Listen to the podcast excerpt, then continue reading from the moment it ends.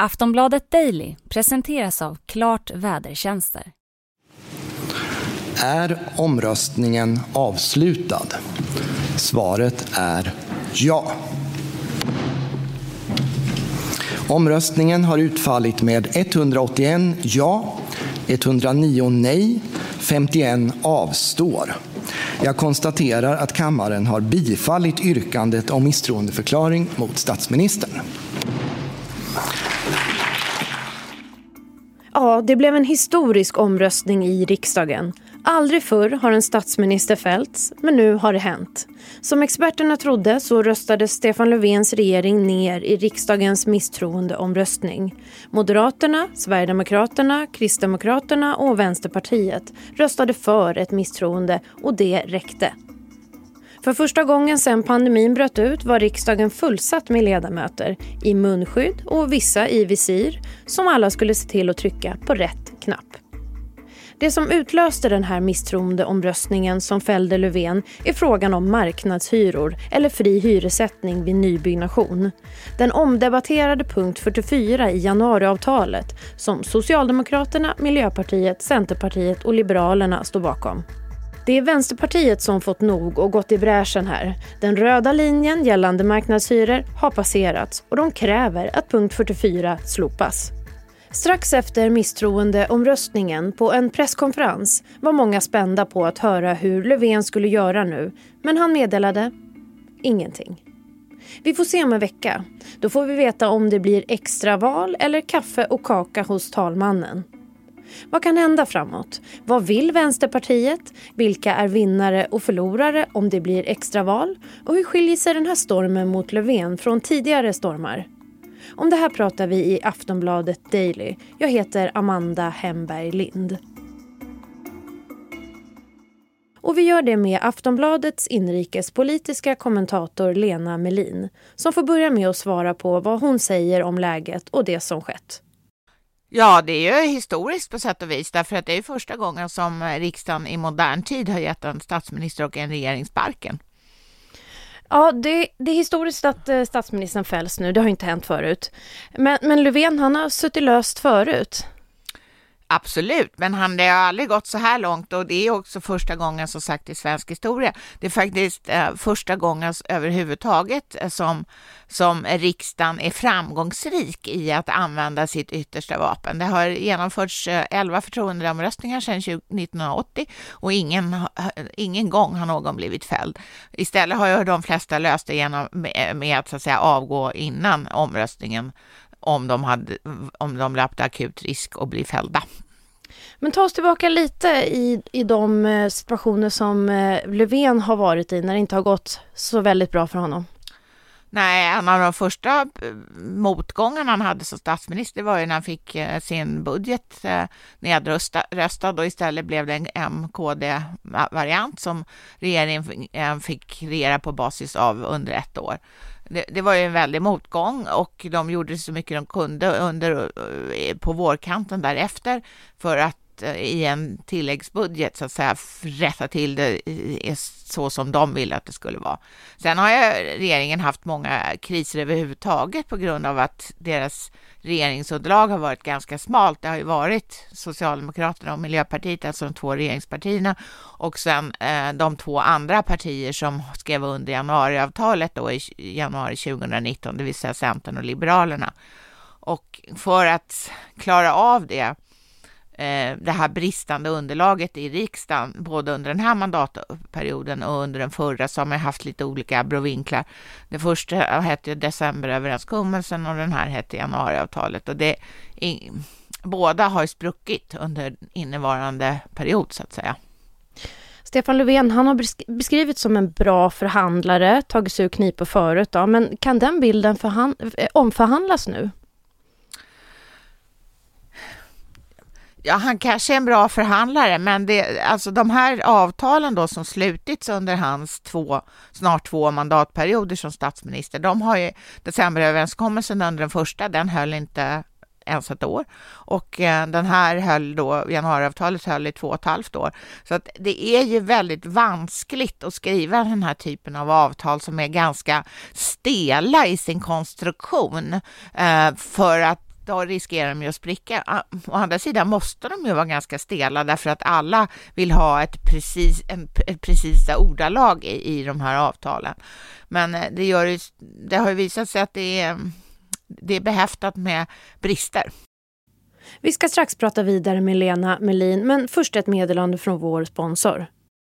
Midsommarfirandet står inför dörren och många av oss undrar såklart vad vi kan vänta oss för väder i helgen. Enligt Mikael Sjöstrand, meteorolog på Klart, kan det bli svårt att toppa förra årets värmebölja. Förra året var ju vädret på flera håll den varmaste midsommarafton vi hade på 50 år. Det var uppemot 25-30 grader. I år däremot så kommer man behöva hålla sig mer uppdaterad på prognosen och det kommer inte bli fullt lika varmt. I Klart-appen håller du enkelt koll på vädret hela sommaren. Du hittar den där appar finns. Vi är tillbaka. Ja, och nu framåt då. Vad finns det för Stefan Löfven att göra? Vad ska han fundera på i en vecka? Jo, det är att antingen avgå eller entledigas om man så vill. Och då väntar talmansrundor med talmannen Andreas Norlén för att få fram ett nytt regeringsunderlag. Eller så väljer han att utlysa ett extraval. Och då innebär det att vi har en valrörelse som sparkar igång knappt ett år innan den ordinarie som ska hållas inom tre månader. Men frågan är om han kan göra något annat än de här två valen. Vi ska höra Lena Melin igen. Ja, det han så att säga på ett teoretiskt plan skulle kunna göra det är ju att bli överens med Vänsterpartiet, men det anser jag är helt uteslutet. Jag tror inte heller att han kommer att eh, begära att bli entledigad av, av uh, talmannen. Det har han en vecka på sig då att göra. Um, annars blir han automatiskt entledigad av talmannen uh, och att vi får se de här talmansrundorna. Jag tror efter dagens besked från Liberalerna att eh, det realistiska är ett extraval som då ska hållas in senast inom tre månader. Vilka kommer att kunna bli vinnare och förlorare på om det blir ett extraval, bedömer du? Ja, Liberalerna är ju en potentiell eh, förlorare eftersom de ligger så extremt dåligt till i, i, i opinionsmätningarna. Ehm, en annan förlorare som dock inte ligger alls lika illa till är ju Miljöpartiet, men de har ju haft ett bristande väljarstöd de också och ligger ofta under 4 spärren i de olika opinionsmätningarna. Ehm, om man ser över det politiska fältet så ser det ut som det kommer att gå ganska bra för dem, för flera av partierna på högerflanken, det vill säga Moderaterna och Sverigedemokraterna, medan det ser ut att gå sämre för Kristdemokraterna och riktigt dåligt då för Liberalerna. Centern äh, har, ligger ju ständigt, eller nu ständigt över ett par procent över sitt valresultat, så de kanske kan vinna i ett sådant val. Socialdemokraterna ligger ett par procent under sitt valresultat, kommer alltså förmodligen att på nytt göra eh, eh, ett historiskt dåligt val. Och eh, ja, där hade vi nog klarat av alla åtta partierna tror jag faktiskt. Mm. Vi vet ju att vänstern inte vill ha Ulf Kristersson som statsminister. Vad vill vänstern ska ske framåt nu? Förlåt mig, de glömde jag. De ligger ungefär på sitt valresultat. Ja, det kan man ju verkligen fråga sig eftersom de, de, de eller det behöver man inte fråga sig för det svarade faktiskt Nooshi Dadgostar på tidigare idag. De vill att Stefan Löfven ska återkomma som statsminister men inte införa vad de kallar för marknadshyror. Men kommer han vara långsint nu? Jag tror ju då nu att det blir ett extra val och då är det inte alls säkert att eh, det överhuvudtaget är på kartan att han ska är, är aktuell för att bli statsminister för fram till det ordinarie val då i september 2022. För att just nu kan jag inte säga, så ser det inte ut så i opinionsmätningar, utan det ser ut som att de partier som äh, säger med undantag då för Liberalerna, eh, som säger att de vill ha Ulf Kristersson som, som statsminister, de ser ut att få närmare 50 procent av rösterna och det, ehm, det, det, kan, det borde räcka. Och vad kommer hända då framåt nu eh, kommande vecka? Vad har vi att vänta oss? Ja, vi har väntat oss tror jag, samtal som eh, Stefan Löfven ska föra då med de, med de olika partierna. Då um, antar jag att han kommer att koncentrera sig på Liberalerna och Centern uh, och kanske på Vänsterpartiet. Och sen så ska ju han ge då sitt besked och hur han ser på det här, om han ska eh, låta talmannen entlediga honom och det blir talmansrundor eller om han ska utlysa ett extraval. Och det här har han ju högst en vecka på sig då att grunna över. Jag tror inte att han kommer göra det så länge utan han kommer att ge besked innan dess.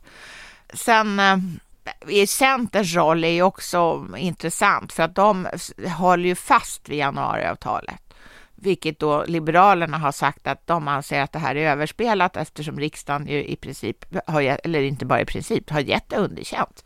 Eh, januariavtalet går inte att genomföra som det är eh, skrivet nu, för punkt 44 har inte fått riksdagens godkännande helt enkelt. Och om det kan innebära något ny typ av samarbete mellan Socialdemokraterna, Miljöpartiet och Centerpartiet, det, det tror jag är någonting man ska hålla ögonen på. Ja, du är inne på något intressant där. Alltså mm. det stärker eller försämrar det här samarbetet mellan sossarna och Centern? efter, efter det som har, skett? Kan man, jag kan man tror absolut det? att det förstärker för att i och med att igår så uppträdde, alltså i söndags så uppträdde ju Stefan Löfven och eh, Annie Lööf tillsammans och eh, talade, gav då eh, en utsträckt hand eh, till Vänsterpartiet och sa att nu, nu har, eh, har vi bett här eh, eh bostadsmarknadens parter att eh, prata och om de kan på, komma på en bättre lösning på det här med hyrorna i nyproduktion än vad vi har kommit på så kommer vi att genomföra deras förslag. Och de fick då, skulle då få på sig fram till sista augusti enligt Löfven och Löv och det där var ju verkligen liksom eh, en, en uppvisning i någon slags enighet där ju då inte Liberalerna deltog. Sist här hörde vi Lena Melin, vår inrikespolitiska kommentator. Jag heter Amanda Hemberg Lind och du har lyssnat på Aftonbladet Daily. Det senaste kring regeringskrisen det hittar du alltid på aftonbladet.se. Prenumerera gärna på oss i din poddspelare så missar du ingenting. Tills vi hörs igen, hej då! Du har lyssnat på en podcast från Aftonbladet. Ansvarig utgivare är Lena K Samuelsson.